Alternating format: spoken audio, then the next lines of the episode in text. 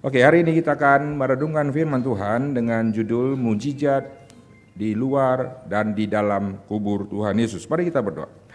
Bapa di dalam surga kami berterima kasih untuk pagi hari ini Tuhan sudah mengkumpulkan setiap kami untuk datang beribadah kepada Tuhan dan kami serahkan hari di mana Tuhan sudah khususkan bagi kami untuk kami merenungkan firman Tuhan dan untuk kami memuji Tuhan dan melayani Tuhan khususnya di hari perhentian ini.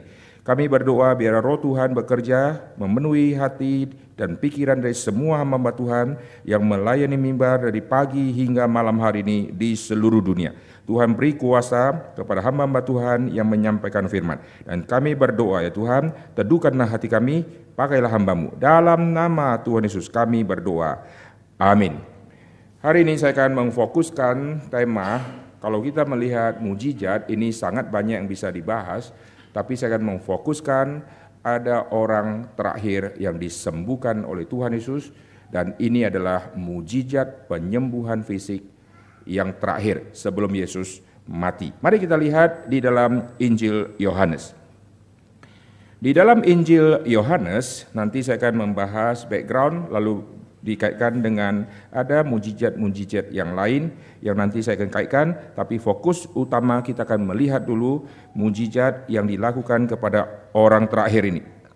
Yohanes pasal yang ke-18 saya akan membaca dari ayat ke-6 untuk kita mengikuti konteksnya yaitu pada saat Yesus ditangkap lalu dari ayat yang ke-10 lalu ayat ke-11 kita akan membaca sama-sama. Saya baca dari ayat 6, ketika ia berkata kepada mereka, akulah dia, mundurlah mereka dan jatuh ke tanah. Maka ia bertanya pula, siapakah yang kamu cari? Kata mereka, Yesus dari Nazaret. Jawab Yesus, telah kukatakan kepadamu, akulah dia. Jika aku yang kamu cari, biarkan mereka ini pergi. Demikianlah hendaklah supaya genap firman yang telah disampaikan dari mereka yang engkau serahkan kepadaku, tidak seorang pun yang kubiarkan binasa. Sama-sama. Lalu Simon Petrus yang membawa pedang menghunus pedang itu menetapkan kepada hamba imam besar dan memutuskan telinga kanannya nama hamba itu Malkus. Kata Yesus kepada Petrus, sarungkan pedangmu, bukankah aku harus minum cawan yang diberikan Bapa kepadaku? Saudara kalau lihat di dalam ayat ini seolah-olah sederhana dan tidak ada sesuatu yang terlalu penting. Tetapi kalau saudara memperhatikan, bandingkan dengan keempat kitab Injil, kalau saudara lihat di dalam Yohanes pasal 18, itu LAI kasih footnote, ada dari Matius, dari Markus, Lukas juga mencatat peristiwa ini. Tetapi hanya Yohaneslah yang mencatat secara detail. Semua penulis kitab Injil mencatat orang yang dipotong kupingnya adalah hamba dari imam besar. Ini adalah keterangan yang sangat penting untuk kita mengetahui betapa pentingnya hamba ini. Kalau saudara melihat di dalam Alkitab, si Yudas Iskariot bersekongkol dengan orang-orang alim ulama untuk nanti menjatuhkan Tuhan Yesus, khususnya nanti menjual Tuhan Yesus, dan untuk orang-orang yang nanti akan menangkap Tuhan Yesus, ada kode yang harus diperhatikan oleh semua yang mengikuti Yudas, yaitu Yudas akan mencium seseorang dan orang yang dicium itulah yang harus ditangkap. Ada komentari yang mencatat kenapa harus memakai tanda cium seperti itu. Bukankah Yesus sudah sering muncul di mana-mana, pagi, siang, sore terus melayani. Dan sebelum Yesus ditangkap, Yesus sudah bolak-balik ke bait Allah, ke Yerusalem. Kenapa mesti kasih kode? Mestinya ku bawa kalian ke tempat di mana Yesus biasanya berkumpul dengan murid secara tersendiri. Sampai ke sana lu tangkap sendiri. Gua pensiun, gua pergi. Kenapa harus dikasih tanda? Lalu komentari mencatat begini. Kemungkinan besar wajah Yesus mirip dengan salah seorang wajah dari rasul. Nah, ada yang mengatakan ya mungkin mirip sama Yakobus. Tapi itu tidak ada pegangan mirip sama Yakobus.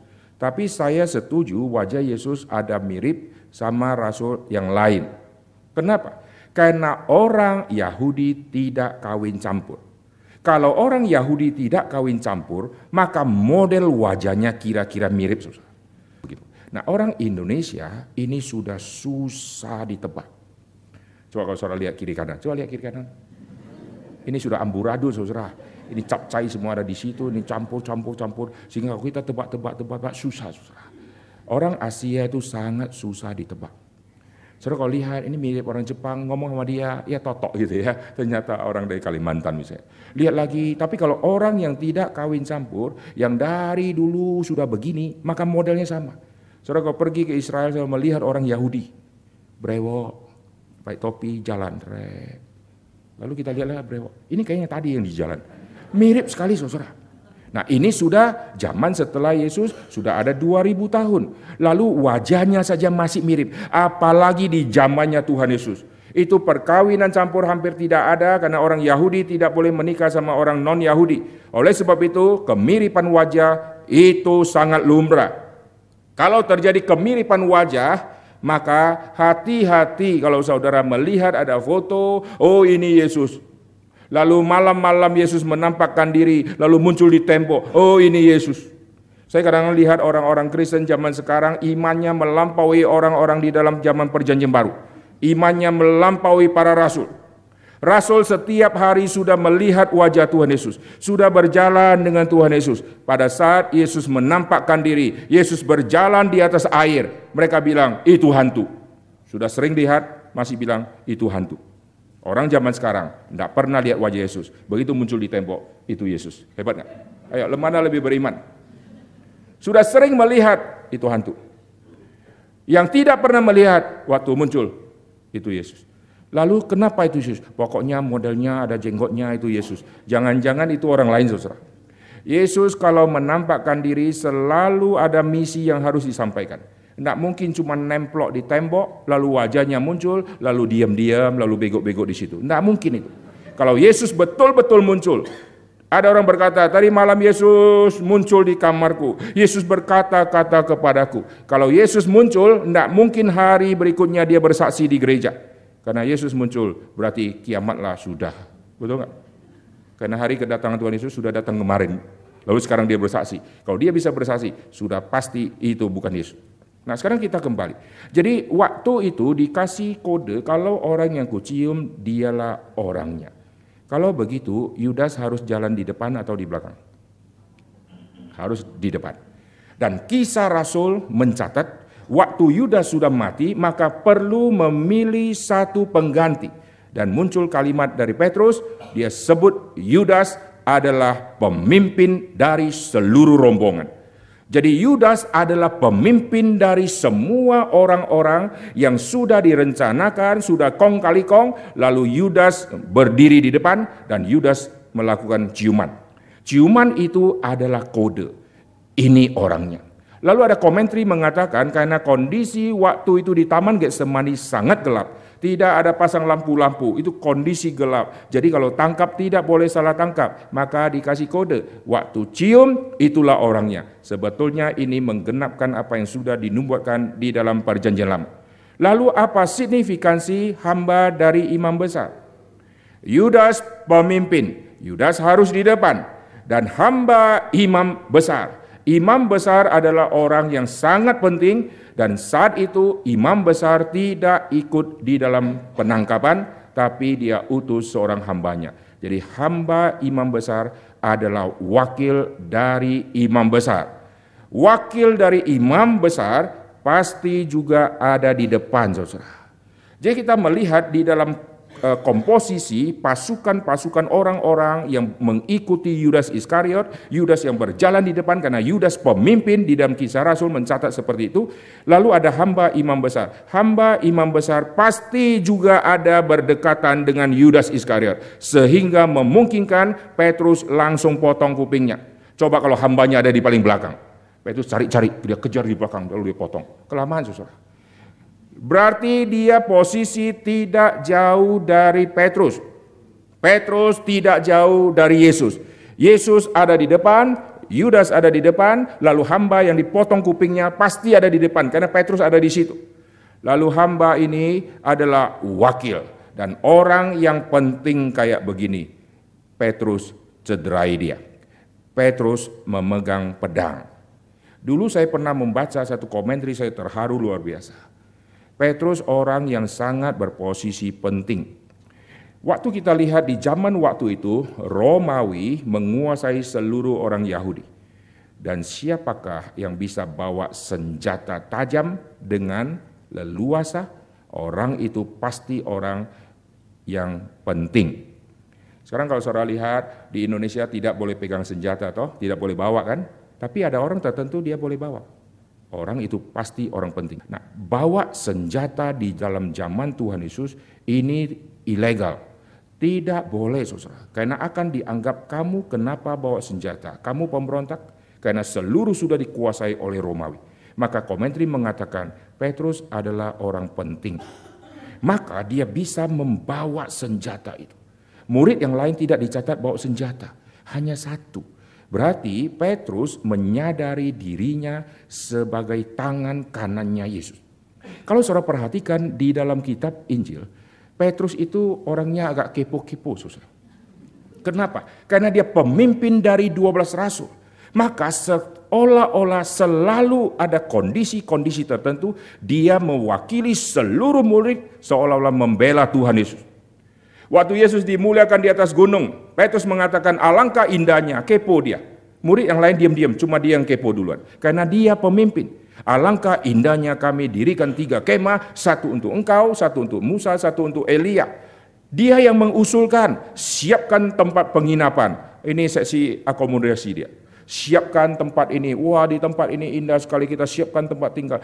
Capek-capek jauh datang dari sorga. Masa tidak nginap duluan gitu ya. Satu untuk Elia, satu untuk Musa, lalu satu untuk Yesus. Kalimat Petrus ini sangat menyakiti Tuhan Yesus. Karena inti dari kalimat itu Yesus tidak usah pergi ke Yerusalem. Yesus enak-enak di gunung saja. Misi Yesus harus ke Yerusalem. Petrus bilang, tidak usah. Kudirikan tiga kemah. Di sini saja nginap. Jadi Petrus adalah orang kepo, saudara. Kalau mereka tergoncang iman, aku tidak. Wah, hebat dia. Dan dia sadar dirinya pemimpin, maka dia pegang senjata. Pegang senjata itu apa? Seolah-olah dia bodyguardnya Tuhan Yesus. Jadi waktu Tuhan Yesus ditangkap, lalu imam-imam, orang-orang jahat, lalu semua sudah bersekongkol, lalu nanti Yudas yang memimpin pasukan itu, lalu hamba ini juga ada di depan. Dan dilakukan satu tindakan kriminal, yaitu Petrus memotong. Petrus memotong tidak minta izin Tuhan Yesus. Berarti dia mau tampil di depan menyatakan akulah pahlawan. Pada saat itu kalau Yesus tidak menyembuhkan imam eh, hamba dari imam, maka Petrus pasti mampus dia. Kenapa? Karena hamba imam adalah wakil dari imam besar ini. Dan di hadapan begitu banyak orang, dia melakukan satu tindakan kriminal. Dan dia tidak mungkin bisa lepas. Karena saksi mata sudah begitu banyak. Maka Petrus akan mengalami kematian karena akan dihukum mati di situ. Tetapi kalau Petrus dihukum mati, cilaka saudara. Kitab Petrus tidak muncul nanti. Tapi mahasiswa teologi berbahagia. Karena kuliah perjanjian baru lebih cepat selesai. Karena tulisan Petrus tidak ada.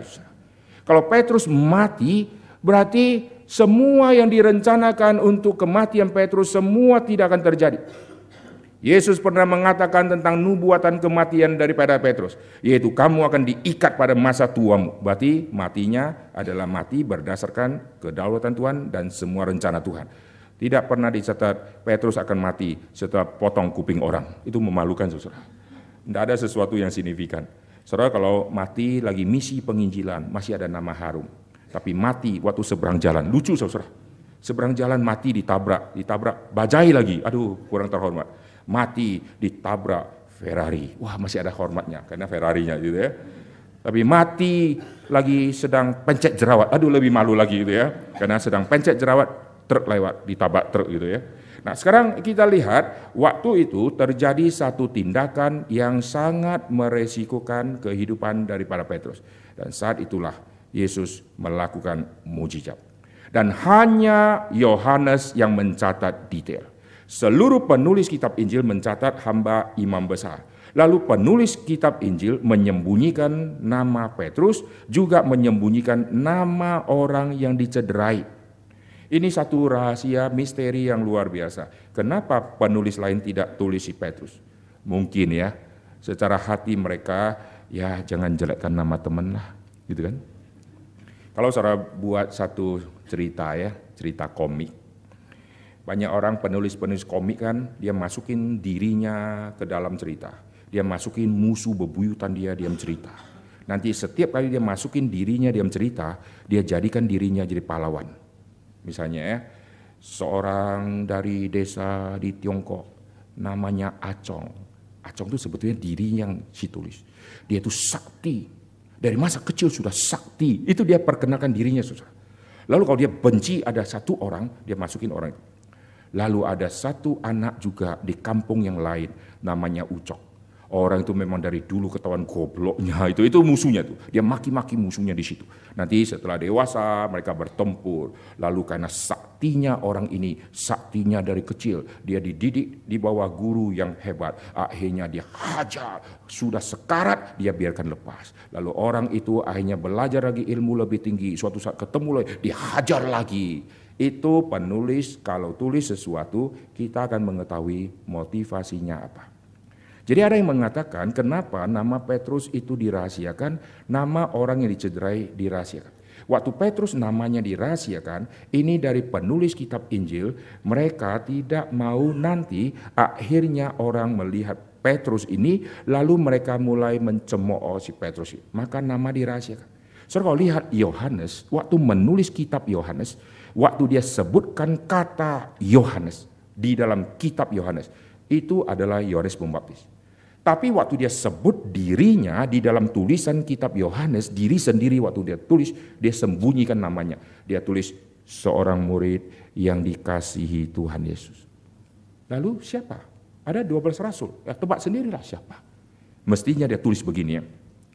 Seorang murid yang dikasihi Yesus, koma, Yohanes huruf besar, bold, miring lagi gitu ya supaya semua orang lihat inilah ini ini. Yohanes koma. Akulah orangnya. Koma. Si penulis kitab ini. Koma. Jangan lupa. Gitu loh.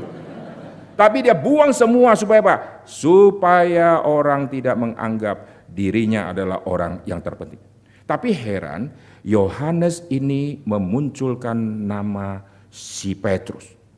Saya percaya Yohanes sama Petrus pasti orang yang sangat dekat kalau saudara perhatikan, mereka selalu ada bertiga, Petrus, Yakobus, dan Yohanes. Dan waktu mereka bertiga itu adalah murid inti, Petrus, Yakobus, dan Yohanes. Dan Petrus sama Yohanes ada hubungan saudara, berarti mereka dekat secara hubungan saudara. Tapi bukan hanya dekat secara hubungan saudara, juga dekat karena mereka adalah murid yang kalau kita lihat selain bertiga, nanti pada saat Yesus mati dan bangkit, waktu Yesus sudah bangkit, nanti kita lihat Petrus dan Yohanes yang berdua ke kubur. Jadi mereka itu pasti dekatnya luar biasa. Kalau dekat, kalau sebutkan nama, Orang lain dia sebutkan nama, dia tidak akan tersinggung. Karena dia tahu motivasi orang yang sebutkan nama bukan untuk menjatuhkan. Saya bersyukur Tuhan mengizinkan Yohanes tulis nama si Petrus ini dan tulis nama orang yang dicederai. Karena orang ini adalah orang terakhir yang disembuhkan oleh Tuhan Yesus secara fisik. Mari kita lihat sekali lagi Yohanes pasal yang ke-18.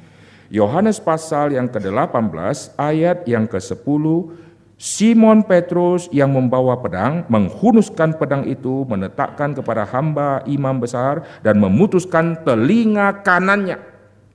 Matius tidak catat kanan, tapi Lukas menuliskan, lalu Yohanes menuliskan lebih detail lagi, memutuskan tangan kanannya. Lalu ada komentari yang coba-coba menafsirkan, oh kalau memutuskan eh kuping telinga kanan, kalau kuping kanan diputuskan berarti Petrus kidal. Ngaco dia ya. Coba ya, saya punya kuping di kanan. Lalu saudara hadap saya, saudara bisa potong kanan. Berarti saudara pakai tangan kiri kan? Nah oh Petrus ini kidal. Tapi dia lupa, bisa aja pakai tangan, dia gini kan? Modelnya miring loh.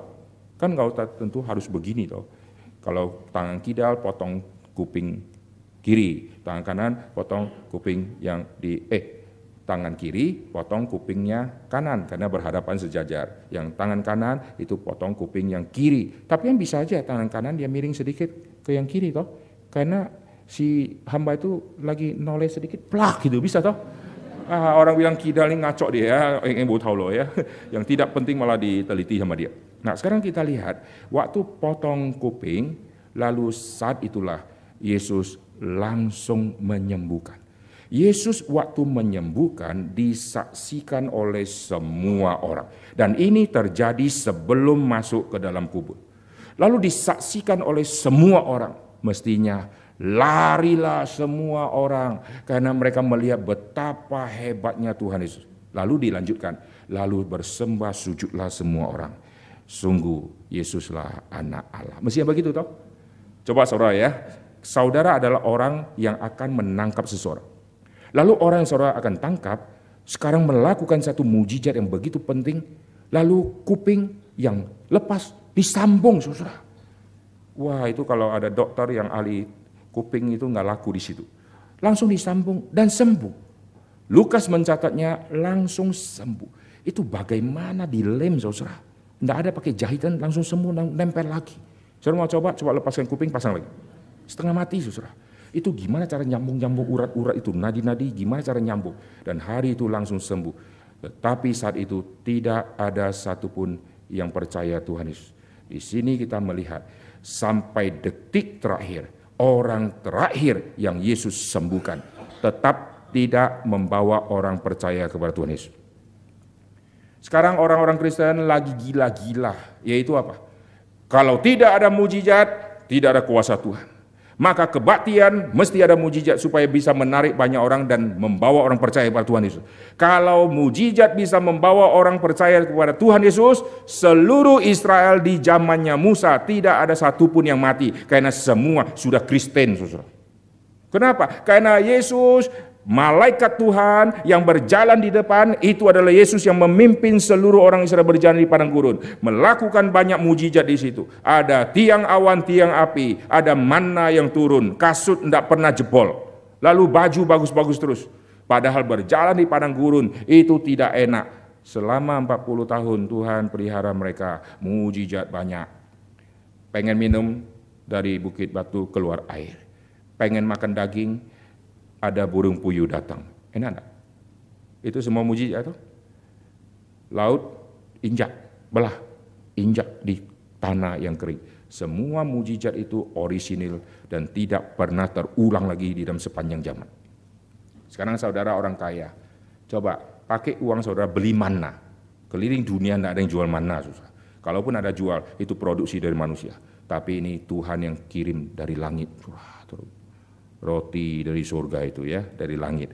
Itu mana adalah bayang-bayang nanti Kristus yang adalah roti yang hidup yang turun dari surga. Mana roti yang mati, habis makan lapar lagi karena mati. Tidak ada kehidupan di dalam mana itu. Tetapi mana yang sejati, roti yang hidup. Karena dia hidup, kau makan, kau akan hidup selama-lamanya. Mujizat dilakukan di padang gurun, tapi generasi pertama ditumpas habis. Lalu perhatikan sampai kepada Injil Yohanes pasal ke-11, waktu Lazarus dibangkitkan, Lazarus dibangkitkan, mestinya semua orang ketakutan lalu menyembah Tuhan. Lalu mulai hari itu mereka menjadi orang percaya. Alkitab katakan tidak. Setelah Lazarus dibangkitkan, maka Yesus pun mau dibunuh, Lazarus pun mau dihabisi oleh mereka. Jadi orang-orang yang melihat dikatakan ada yang percaya. Tapi percayanya percaya model apa? Sebagian mereka merencanakan habisi Tuhan Yesus, habisi Lazarus. Saudara kalau perhatikan murid-murid Tuhan Yesus 12 rasul paling banyak melihat mujizat. Kalau ada orang yang disembuhkan, setelah disembuhkan Yesus pindah ke kota lain. Orang itu mungkin tidak ikut lagi. Lalu Yesus sembuhkan orang di sana, Yesus pindah ke tempat lain. Orang yang disembuhkan di kota kedua tidak ikut lagi, tapi rasul ikut terus. Dan semua rasul terus menyaksikan, menyaksikan. Lalu perhatikan waktu Yesus menyembuhkan kuping orang yang sudah lepas itu. Tidak dicatat, rasul-rasul pun sekarang percaya kepada Tuhan Yesus. Semua orang yang tangkap Tuhan Yesus sekarang percaya kepada Tuhan Yesus. Tidak. Yang ada setelah itu nanti semua rasul melarikan diri. Lalu yang tangkap tetap tangkap. Berarti mujizat tidak membawa orang percaya kepada Tuhan Yesus secara sungguh-sungguh. Dan Yesus yang lakukan mujizat sekarang ditangkap. Termasuk orang yang alami mujizat. Mestinya semua yang tangkap tidak percaya, tidak apa-apa karena orang lain. Petrus tidak percaya, nggak apa-apa karena orang lain. Tetapi saya yang kupingnya dipotong, sudah disambung, sayalah orang pertama yang mengaku Yesus engkaulah Tuhan. Mestinya begitu toh. Orang yang sudah alami hanya mau terima berkat kesembuhan, tetapi Yesusnya dia tidak mau. Kalaupun dia mau terima Tuhan Yesus, dia akan menjaga identitas dirinya. Aku kalau percaya Tuhan Yesus mengaku di sini, aku pasti dikucilkan. Jadi saudara perhatikan, iman yang sejati tidak pernah akan muncul melalui mujizat. Iman yang sejati hanya muncul melalui firman Tuhan, melalui khotbah yang sejati. Kalau melalui mujizat bisa menghasilkan iman sejati, ini hamba ini langsung mempunyai iman sejati dan hari itu mengumumkan bahwa hari ini saya menjadi pengikut Tuhan Yesus. Semua rasul waktu kabur, dia yang terus ikut Yesus. Mestinya begitu kan? Tapi tidak. Dan orang ini tidak lagi pernah dicatat di dalam Alkitab. Maka saya percaya orang ini tetap di dalam kepercayaan sebelumnya. Tidak pernah jadi saksi. Saudara kalau lihat ada orang tertentu yang Yesus sudah sembuhkan, Yesus kasih katekisasi. Perhatikan diam Alkitab setiap kali ada kesembuhan yang menghasilkan ada satu perkataan imanmu menyelamatkan engkau. Setiap kalimat itu muncul, saudara perhatikan seluruh konteksnya, di dalamnya ada selipan katekisasi singkat untuk menguji iman orang. Saya kasih contoh sederhana. Waktu orang buta sejak lahir, lalu mau disembuhkan.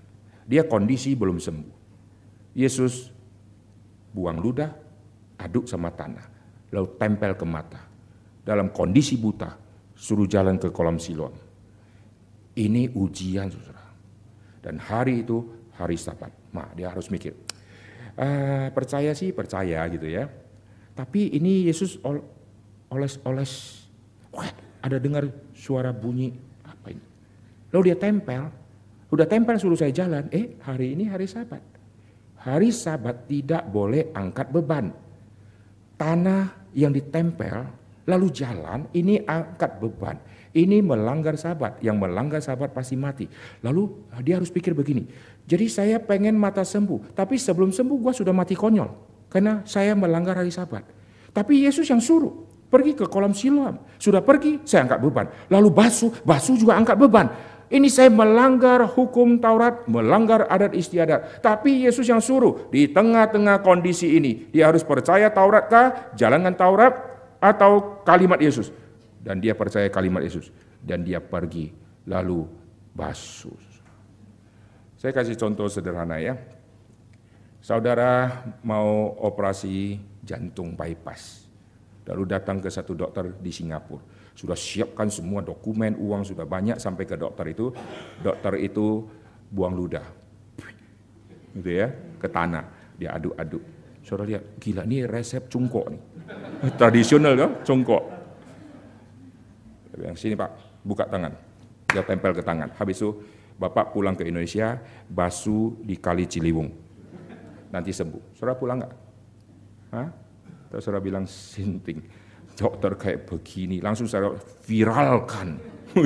saudara foto viralkan. Dokter mal praktek, aku mau bypass jantung dikasih liur, di foto-foto, lalu diviralkan, langsung orang like, like, like, like, like, jutaan orang yang baca.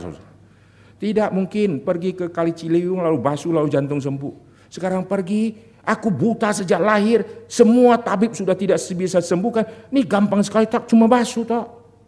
Tapi dia pergi. Waktu dia pergi, dia sembuh. Itu namanya katekisasi singkat. Percayakah kau aku bisa melakukan? Itu katekisasi. Lalu orang yang kusta berteriak memanggil Tuhan Yesus. Itu Yesus katekisasi. Yesus menantikan sampai waktunya. Nanti waktu Yesus sembuhkan. Saudara perhatikan kalimat dari orang yang Tuhan sembuhkan. Dia mempunyai iman yang luar biasa. Karena ada firman katekisasi yang membuat dia beriman. Bukan mujizatnya.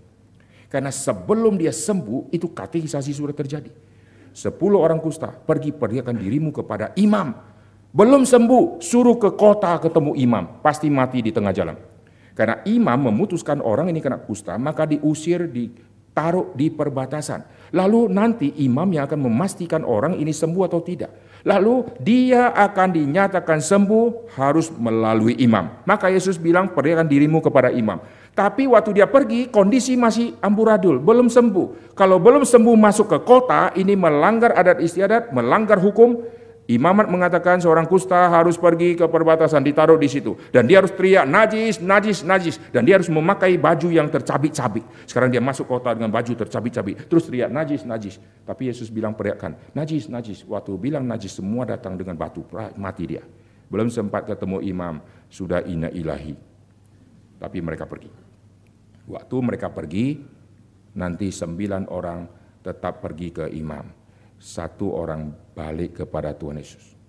Sekarang saya tanya, mana yang taat kepada Yesus? Mana yang taat? Pergi perdakan dirimu kepada imam. Mereka pergi sepuluh-sepuluhnya. Oke? Okay? Awalnya semua berangkat. Eh satu kembali. Sembilan tetap jalan. Mana yang taat? Hah? Siapa bilang yang satu yang taat? Angkat tangan. Siapa bilang sembilan yang taat? Siapa yang tidak taat menjawab? Hei, suruh jawab nggak mau jawab jawab. Yang taat adalah sembilan. Karena Yesus kan perintahkan perlihatkan dirimu kepada imam.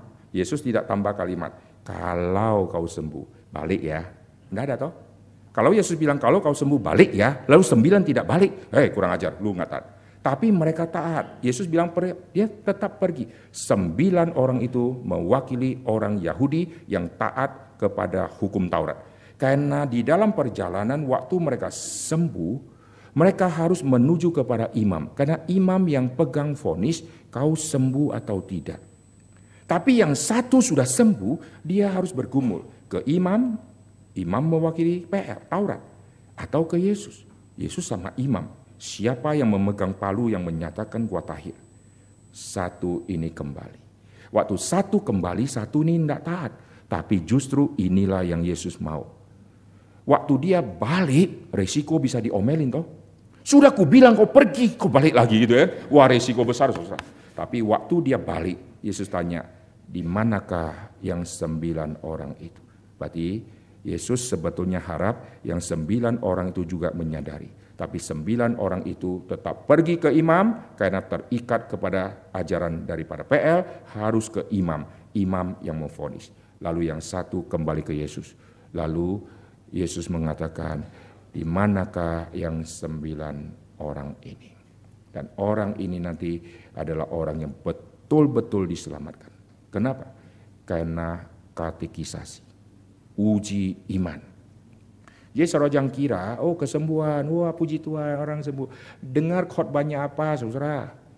Saudara kalau perhatikan, kalau khotbah bukan lagi kepada Kristus yang sejati dan orang itu sembuh, tidak mungkin akan hasilkan iman sejati. Iman timbul dari pendengaran. Kalau pendengarannya bukan firman sejati, maka iman waktu tumbuh, imannya bukan yang sejati. Iman kalau dengar dari yang sejati, maka nanti pendengaran sudah dengar, nanti imannya akan muncul mengikuti pendengaran terhadap iman yang sejati. Jikalau khotbahnya sudah amburadul, maka hasilnya akan amburadul. Nah sekarang kita lihat, orang yang sudah disembuhkan kupingnya tetap kembali dan tidak bertobat sama sekali. Dan orang ini dicatat di Injil Yohanes, orang itu namanya Markus. Dan orang ini adalah orang terakhir yang alami mujizat secara fisik, habis itu pergi. Yesus biarkan nanti ada mujizat yang sangat besar yang terjadi sebelum masuk kubur. Jadi saya akan fokuskan Markus mewakili mujizat fisik. Ada satu orang lagi yang Yesus sembuhkan yang mewakili mujizat rohani, yaitu penjahat. Penjahat di samping Tuhan Yesus, dia disembuhkan oleh Tuhan Yesus, karena Alkitab mengatakan oleh bilur-bilurnya kamu sembuh. Orang karismatik mengambil ayat itu untuk mengatakan flu sembuh, pilek, ketombe lah, rambut uban lah, macam-macam lah, kudis, kadas, kurap, semua lah ya. Kantong kering lah, jantung lah, ginjal lah, semua list penyakit asam urat lah, macam-macam akan disembuhkan oleh bilur-bilurnya akan disembuhkan. Kalau saudara membaca waktu domba kelu dibawa ke perbantaian, dia dibantai karena pelanggaran kita. Semua bicara hal yang rohani. Jadi penjahat ini sudah dibuktikan secara fisik kau sudah melakukan kejahatan secara fisik, sudah ada saksi mata, maka sekarang kau difonis mati. Karena kau sudah difonis mati, sekarang kau ada di salib. Kau nggak bisa lari lagi, tinggal tunggu ajalnya. Dan saat penjahat ini, waktu melihat Tuhan Yesus, lalu mereka mengomel-omelin juga ikut memaki-maki Tuhan Yesus. Saya mentafsirkan waktu mereka berdua ikut memaki-maki Tuhan Yesus karena mereka merasa kami lebih benar. Yesus yang paling jahat. Kenapa? Karena di dalam tradisi waktu itu seorang penjahat yang sudah disalib, kalau satu yang ditaruh di tengah, berarti yang di tengah itu yang paling jahat. Maka kalau saya yang ditaruh di kanan, saya tadi sudah merasa aku difonis terlalu berat karena aku memang terlalu jahat. Lalu waktu disalib, ternyata ditaruh di kanan. Langsung saya terhibur. Lumayan ternyata kupikir aku paling jahat. Waktu aku ditaruh di kanan, aku noleh di kiri. Di kiri gua ada orang, lalu di kirinya lagi ada orang. Berarti yang tengah aku aman. Lalu penjahat yang di samping kiri, waktu dia sudah merasa aku sudah jahat, maka aku dipaku. Lalu waktu dia noleh ke kanan, ada orang noleh ke kanan, ada oh puji Tuhan, aku tidak di tengah, aku lebih layak. Karena dua orang ini, kanan dan kiri, merasa lebih layak, maka mereka ikut memaki-maki Tuhan Yesus. Saudara perhatikan, orang yang akan menerima keselamatan selalu mempunyai ciri merasa dirinya orang berdosa. Pada saat seseorang merasa dirinya orang berdosa, saat itu orang itu dekat sama Tuhan. Yesus mengatakan, "Aku datang bukan mencari orang benar, aku datang mencari orang berdosa." Selama orang masih merasa dirinya lebih baik, lebih benar, dia jauh dari Tuhan. Tapi waktu dia sudah merasa dirinya orang berdosa, dia dekat sama Tuhan. Waktu dua penjahat merasa diri benar, oh. Dia tidak tahu Yesus tidak bersalah. Wah dia ngomel-ngomel. Mendadak satu penjahat sadar.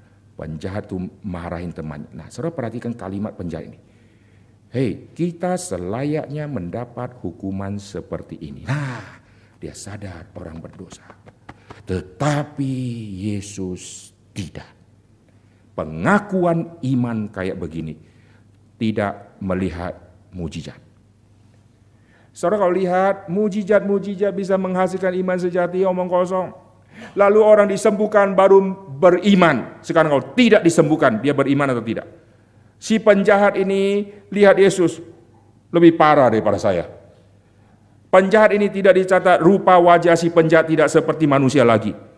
Lalu waktu dia lihat temannya yang di kiri masih wajah manusia yang paling ujung. Sama-sama di penjara, sama-sama ditangkap, sama-sama diadili dia Yesus parah. Saya kalau penjahat yang sudah dipaku, muka masih oke, lihat yang lebih parah. Suruh aku percaya yang lebih parah. Wah ini perlu loncatan iman tinggi, susah. Tapi kalau Yesus ada di salib, tidak ada satu luka pun. Wah penjahat kagum, kok bisa ya? Wah hebat ini. Tidak ada satu pun. Lalu semua mahkota duri yang sudah nempel di kepala, hari itu lepas satu-satu. Lalu sembuh. Dan disaksikan oleh penjahat. Lalu penjahat percaya Yesus. Itu terlalu gampang karena dia lihat. Tapi waktu lihat tidak ada mujizat. Perhatikan tidak ada mujizat. Lalu di tengah-tengah kondisi dia lihat tidak ada mujizat itu, dia sekarang mengomeli temannya. Kita orang berdosa. Nah, karena dia mengaku dia orang berdosa, dia dekat Tuhan. Dan satu-satunya kalimat yang Yesus jawab di atas kayu salib. Yesus jawab pertanyaan kalimat dari si penjahat. Bayangkan kalau saudara jadi Tuhan Yesus ya, sudah pedih-pedih, sudah perih, masih ada orang keput ngomong-ngomong. Saudara kalau lagi ngantuk, suami sudah kerja capek, ketemu istri yang eng-eng tahu lo dari pagi nonton sinetron kurang kerjaan. Lalu suami sudah mau tidur, si istri, Pi, tadi episode kelima bagus, itu Tio Buki itu loh cerita Tio Buki ketemu Tan Bun An lah apalah ketemu inilah tata tata kemudian ya ah.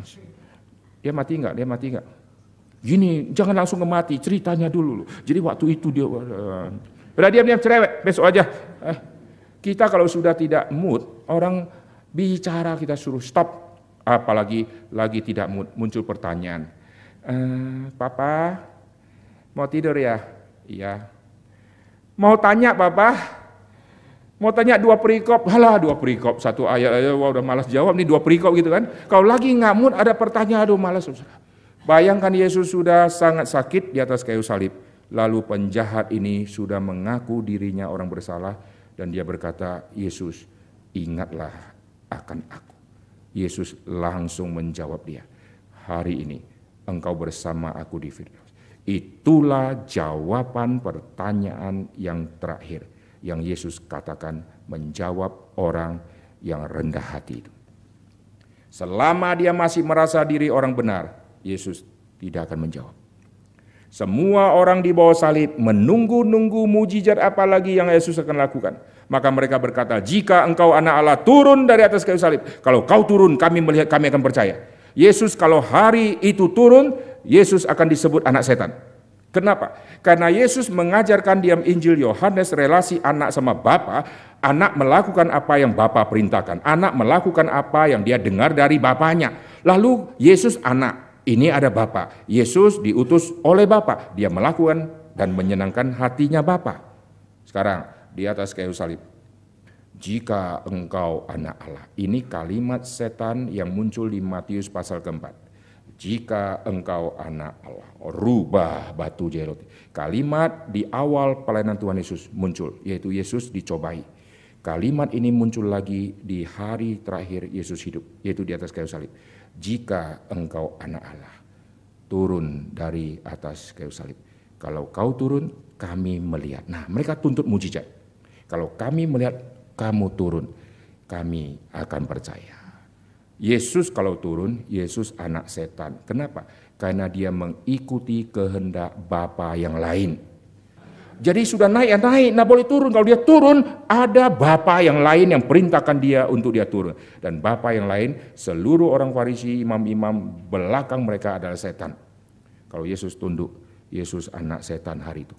Kedua, kalau Yesus turun, Yesus sekarang misalnya mengatakan, Tadi kau katakan kalau aku anak Allah, aku turun kau akan percaya ya. Oke, wah mumpung selamatkan jiwa gampang sekali. Capek-capek gua lahir di palungan setengah mati, tunggu sampai umur 33. Ternyata hanya turun dari salib, lu langsung percaya. Hai, lalu Yesus turun. Srek. Sekarang Yesus berkata, sekarang kau harus percaya ya. Karena kau tadi sudah katakan, kalau kau turun, kami lihat. Kau sudah lihat kan? Ayo percaya. Menurut saudara mereka percaya enggak? Hah? Pasti tidak. Kenapa? Yesus sudah turun dari sorga. Sorga sama salib lebih tinggi mana saudara? Dari tinggi turun ke tempat yang remeh di bumi ini. Mereka tidak percaya. Masakan dari Golgota salib itu dia turun. Semua percaya? Tidak mungkin saudara. Maka Yesus tidak menjawab. Karena itu kalimat setan saudara. Semua orang yang tidak mau cari kebenaran, yang tidak mengaku dirinya orang berdosa, Yesus tidak jawab. Tapi satu-satunya pertanyaan yang Yesus jawab, yaitu jawab penjahat. Itu mujizat yang terakhir. Mujizat yang terakhir yaitu tadi mujizat fisik menyembuhkan kuping. Mujizat yang non fisik membawa jiwa yang terakhir ini. Sebelum Yesus menutup mata, menyerahkan nyawa. Lalu sebelum masuk ke kubur. Mujizat muncul lagi, yaitu bukan mujizat kesembuhan. Kemarin saya sudah singgung, kepala pasukan bertobat. Jadi sebelum Yesus mati, detik terakhir itu, penjahat diselamatkan. Setelah Yesus mati jam 3, kepala pasukan mengatakan, sungguh engkau orang benar sungguh engkau anak Allah. Kalimat ini menyatakan dia bertobat sungguh-sungguh. Kenapa? Karena dia buang semua ajaran-ajaran yang dia sudah pelajari sebelumnya. Prajurit Roma hanya meninggikan kaisar, tidak ada Tuhan yang lain. Kaisar itulah Tuhan. Dan kaisar dianggap keturunan daripada dewa. Sekarang, dewa sama kaisar, ini agamaku. Yesus, Tuhan, itu agama orang yang lain. Agama Yahudi pun tidak mau terima, masa suruh saya terima. Kebudayaan mana yang lebih tinggi dibanding kebudayaan Yahudi waktu itu? Yahudi saja menolak Yesus. Lalu Romawi bangsa yang kuat punya konsep kaisar. Sekarang suruh terima Yesus. Yang mati konyol kayak begini. Dia mengatakan, sungguh engkau anak. Jadi orang ini dimenangkan tanpa melihat mujizat fisik. Dan kalimat dia waktu dia menyaksikan semua peristiwa penyalipan, dia melihat, melihat, melihat, terus membandingkan apa yang dikatakan dan apa yang dijawab, di situlah katekisasi kepala-kepala pasukan. Waktu melihat Yesus menjawab, waktu melihat Yesus berkelakuan, ini sedang dia lihat dan itu dia pergumulan secara batin. Mungkinkah dia ini Allah atau tidak? Kalau mungkin, nanti kalau saya terima ternyata bukan bagaimana, maka dia tunggu, tunggu, tunggu, tunggu sampai setelah Yesus mati, dia sekarang konfirmasi. Itu mujizat sebelum Yesus masuk ke dalam kubur. Itulah yang saya sebut mujizat di luar kubur. Sekarang Yesus masuk ke dalam kuburan. Kita akan lihat mujizat di dalam kubur. Mujizat di dalam kubur terjadi satu hal yang sangat menarik. Di dalam Injil Yohanes muncul kalimat begini anak manusia itu yaitu Yesus, dia berkuasa memberikan nyawa. Dan dia berkuasa mengambilnya kembali. Boleh dikatakan juga ada mujizat besar sebelum Yesus mati sampai akhirnya Yesus bisa mati karena Yesus yang menyerahkan nyawa. Penghulu hidup tidak mungkin dimatikan oleh siapa pun karena dia mempunyai sumber hidup. Hanya tiba waktunya karena sudah ditentukan untuk mati dia menyerahkan nyawanya. Nah itu mujizat yang besar. Tapi saya tidak kaitkan itu, saya sekarang mengkaitkan, Yesus mengatakan, aku memberikan nyawaku, sekarang aku mengambilnya kembali. Nah ini yang saya akan masukkan ke dalam mujizat di dalam kubur. Yesus mengatakan hari ketiga aku akan bangkit. Di dalam kuburan itu Yesus sudah mati, nanti dia akan bangkit. Yesus bangkitnya waktu di dalam kuburan atau di luar kuburan baru bangkit? Mesti di dalam. Kalau Yesus bangkitnya di luar kuburan, berarti ada orang keluarkan dulu mayatnya atau di luar, baru dia bangkit dari luar. Nangkap? Dia pasti bangkitnya di dalam. Lalu mujizat apa waktu Yesus bangkit? Yaitu Yesus membangkitkan diri sendiri. Saudara lihat, doktrin kebangkitan adalah begini. Allah adalah yang membangkitkan. Ini adalah konsep Allah membangkitkan. Maka nabi-nabi waktu rasul juga waktu mereka membangkitkan bukan kuasa dari mereka bisa membangkitkan, tapi mereka minta Tuhan dengan kuasa Tuhan lalu ada kebangkitan. Waktu Yesus membangkitkan Lazarus, Yesus tidak memakai kalimat Bapa kasih aku kuasa. Yesus langsung berkata, Lazarus bangkit. Kuasa datang daripada Allah, Allah yang membangkitkan. Nah sekarang, Allah kita Tritunggal. Bapa membangkitkan. Yesus adalah Allah. Roh Kudus adalah Allah. Sekarang, kalau Bapa adalah Allah, maka Bapa membangkitkan. Setuju? Setuju? Bapa membangkitkan Yesus. Setuju? Siapa yang bisa bangkitkan Yesus? Kalau bukan Allah. Allah tiga pribadi, Bapa, Anak, dan Roh Kudus. Bapa adalah Allah. Yang bisa membangkitkan Yesus pasti bukan manusia. Dia harus Allah. Maka Bapa membangkitkan Yesus. Benar nggak? Eh benar nggak? Enggak. Kacau ya saudara ya. Mari kita lihat kisah Rasul pasal yang kedua. Di dalam kisah Rasul pasal yang kedua. Bapa membangkitkan Yesus.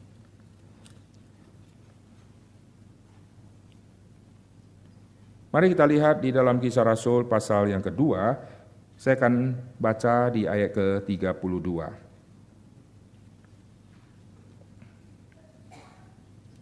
Yesus inilah yang dibangkitkan Allah. Oke, Allah yang mana ini? Masih samar-samar ya?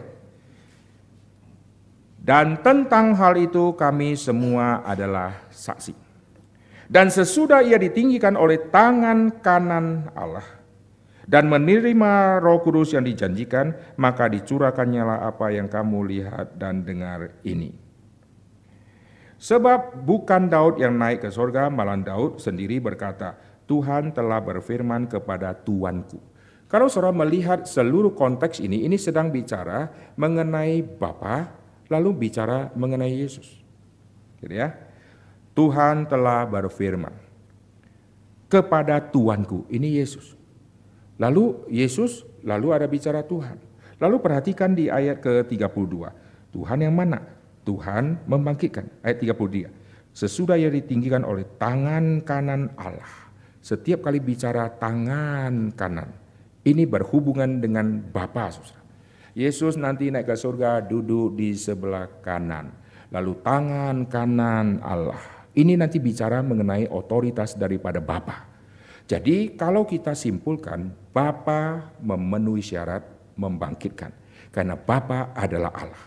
Kalau Bapa adalah Allah, maka Yesus yang sudah mati Bapa membangkitkan dia. Karena hanya Allah yang bisa bangkitkan. Sekarang, ada Bapa, ada Yesus dan ada Roh Kudus. Bagaimana dengan Roh Kudus? Roh Kudus adalah Allah, maka Roh Kudus membangkitkan. Setuju? Eh, setuju nggak? Kita lihat ayatnya di Roma 8 ayat ke-11. Ini mujizat di dalam kubur, saudara. Roma 8 ayat yang ke-11. Semua lihat di dalam Alkitab kita akan baca sama-sama. Ini ayat yang sangat penting yang Paulus tulis. Roma 8 ayat 11. 1, 2, 3. Dan jika roh dia yang telah membangkitkan Yesus dari antara orang mati diam di dalam kamu, maka ia yang telah membangkitkan Kristus Yesus dari antara orang mati akan menghidupkan juga tubuhmu yang fana ini yang oleh rohnya yang diam di dalam kamu. Roh dia, roh Kristus, roh Yesus Kristus roh kebenaran, roh Tuhan, roh Allah. Ini semua sebutan untuk roh kudus. Roh Kristus, roh anaknya, roh Kristus Yesus atau roh Yesus Kristus. Ini semua sebutan-sebutan di dalam PB yang menggambarkan semua sebutan untuk roh kudus yang dibaliknya mengandung doktrin yang dalam. Kenapa disebut roh Kristus? Kenapa disebut roh anaknya? Kenapa disebut roh Yesus Kristus? Waktu disebut roh Yesus Kristus atau roh Kristus, ini bukan berarti Yesus itu adalah roh Kristus. Roh Kristus ini bicara Roh Kudus. Kenapa roh ditambah dengan Kristus di sini? Roh Kristus. Kenapa roh ditambah dengan anaknya? Karena ini dibalik istilah mengandung doktrin pengutusan. Roh disebut roh Kristus karena Kristus yang mengutus roh kudus. Maka roh Kristus, roh yang datangnya daripada Kristus. Maka roh Kristus, Kristus yang mengutus dia. Lalu Alkitab catat roh anaknya. Roh anak, anak itu bicara Yesus. Anaknya, nya ini bicara Bapak. Jadi kalau saya rubah kata itu, roh anak, roh Yesus, roh anaknya, roh Bapa. Kenapa disebut Roh Kudus dikaitkan dengan Yesus, Roh Kudus dikaitkan dengan Bapa? Karena Bapa dan Yesus mengutus Roh Kudus. Itu doktrin yang sangat penting yang muncul di dalam Injil Yohanes. Yesus mengutus Roh Kudus, Yesus dan Bapa mengutus Roh Kudus. Maka sebutan Roh Kudus ada disebut Roh Kristus, Roh anaknya atau Roh Allah. Jadi waktu disebut yang Roma pasal 8 ayat ke-11, roh ini membangkitkan Roh ini adalah Allah dan dia adalah pribadi ketiga dari Allah Tritunggal karena dia adalah Allah, maka Roh Kudus membangkitkan Yesus. Bapa membangkitkan Yesus, Roh Kudus membangkitkan Yesus. Ini lebih gampang kita terima. Sekarang bagaimana dengan Yesus? Yesus adalah Allah, maka Yesus membangkitkan diri sendiri. Amin. Yesus berkata, "Aku berkuasa memberikan," maka dia menyerahkan nyawanya. Aku yang memberikan, aku ambil kembali. Jadi di dalam kuburan itu terjadi mujizat Allah Tritunggal membangkitkan. Bapa membangkitkan Yesus, Yesus membangkitkan diri sendiri, Roh Kudus membangkitkan. Jadi tiga pribadi bekerja bersama-sama di dalam satu waktu yang sama lalu Yesus bangkit. Dan waktu Yesus bangkit ini ada yang ditinggalkan di dalam kubur. Yaitu kain kafan dan kain peluh. Kenapa mesti tinggal? Saudara perhatikan waktu Yesus bangkit ada yang ditinggalkan. Yang ditinggalkan kain kafan, kain peluh. Lalu yang ditinggalkan adalah sisa lubang paku di tangan kanan, tangan kiri, dan sisa lubang yang ada di daerah lambung sini, lalu sisa lubang yang ada di kaki. Kalau saudara membaca di dalam Injil Yohanes, saudara akan menemukan sisa itu yang ditinggalkan. Kenapa? Sekarang saya akan bicara dulu tentang sisa bekas luka itu. Lalu semua luka-luka yang lain saya percaya langsung sembuh. Alkitab katakan rupa wajahnya tidak seperti manusia lagi waktu Yesus disiksa. Lalu di atas kayu salib, lalu sudah memar-memar. Lalu kalau sudah mati hari ketiga, orang kalau sudah mati muka tambah kurus atau tambah gemuk, saudara. Tambah melar, saudara. Berarti kalau Yesus bangkit, mestinya orang lari semua. Monster keluar. Ini siapa nih kok keluar mukanya aneh gitu kan. Tapi perhatikan waktu Yesus bangkit, tidak ada satupun orang yang lari terbirit-birit. Berarti wajah Yesus kembali normal. Dan tidak ada orang berkata, aku dengar suaranya sih suara Yesus, tapi mukanya menyeramkan, maka aku tutup mata saja. Tidak ada itu. Yesus terus menampakkan diri, 40 hari menampakkan diri, tidak pernah dicatat. Ada orang yang lari terbirit-birit. Berarti wajah Tuhan Yesus yang luka itu sembuh. Lalu luka-luka tubuh yang lain, saya percaya semua sembuh kecuali bekas paku ini. Kenapa Yesus tinggalkan? Itu tanda kebangkitan. Maka saudara lihat, waktu Yesus bertemu dengan rasul-rasul, di hari pertama Yesus bangkit, Yesus bangkit di pagi-pagi, lalu malamnya Yesus mengunjungi rasul-rasul yang sedang ketakutan itu. Lalu apa yang terjadi? Thomas tidak ada di situ. Maka Yesus tunjukkan, ini loh lubang bekas pakuku. Wah mereka lihat, mereka kaget. Wah, berarti benar. Yesus sudah bangkit. Wah, Yesus menampakkan diri. Tapi hari itu Thomas tidak ada. Kenapa Yesus perlu tunjukkan lubang itu? Lalu pada delapan hari kemudian, itu jatuhnya pada hari Minggu lagi. Thomas didatangi oleh Rasul. Lalu diceritai Yesus sudah bangkit. Buktinya apa? Itu lo lubangnya itu lo. Thomas bilang enggak. Sebelum aku cucuk-cucuk-cucuk itu. Aku tidak akan percaya. Kenapa Yesus sisakan lubang? Kenapa Thomas pakai tanda, aku mau cucuk dulu kalau betul berarti dia. Karena itu tanda kebangkitan. Karena sepanjang zaman banyak orang yang pernah disalib dipaku, tidak pernah ada orang yang pernah dipaku, lalu sekarang muncul dengan tangan bekas paku, lalu berkata, akulah orang yang kemarin dipaku, lalu aku sudah mati, sekarang aku sudah bangkit, lihat lubang ini. Tidak pernah ada. Karena tidak pernah ada berarti Yesus satu-satunya. Maka Thomas waktu berkata, aku mau cucuk dulu. Dia mau berkata, tidak pernah akan terjadi. Kau bicara omong kosong. Kalau betul ada, saya akan percaya. Yesus sisakan lubang itu, saudara. Itu adalah tanda kebangkitan. Maka akhirnya nanti Thomas menusukkan. Di dalam tafsiran saya, Yesus dipaku kali kedua. Kali pertama oleh paku yang keras. Kali kedua oleh paku jari. Korek-korek. Saudara kalau ada bekas luka, bekas operasi, coba sentuh. Sakit atau enggak?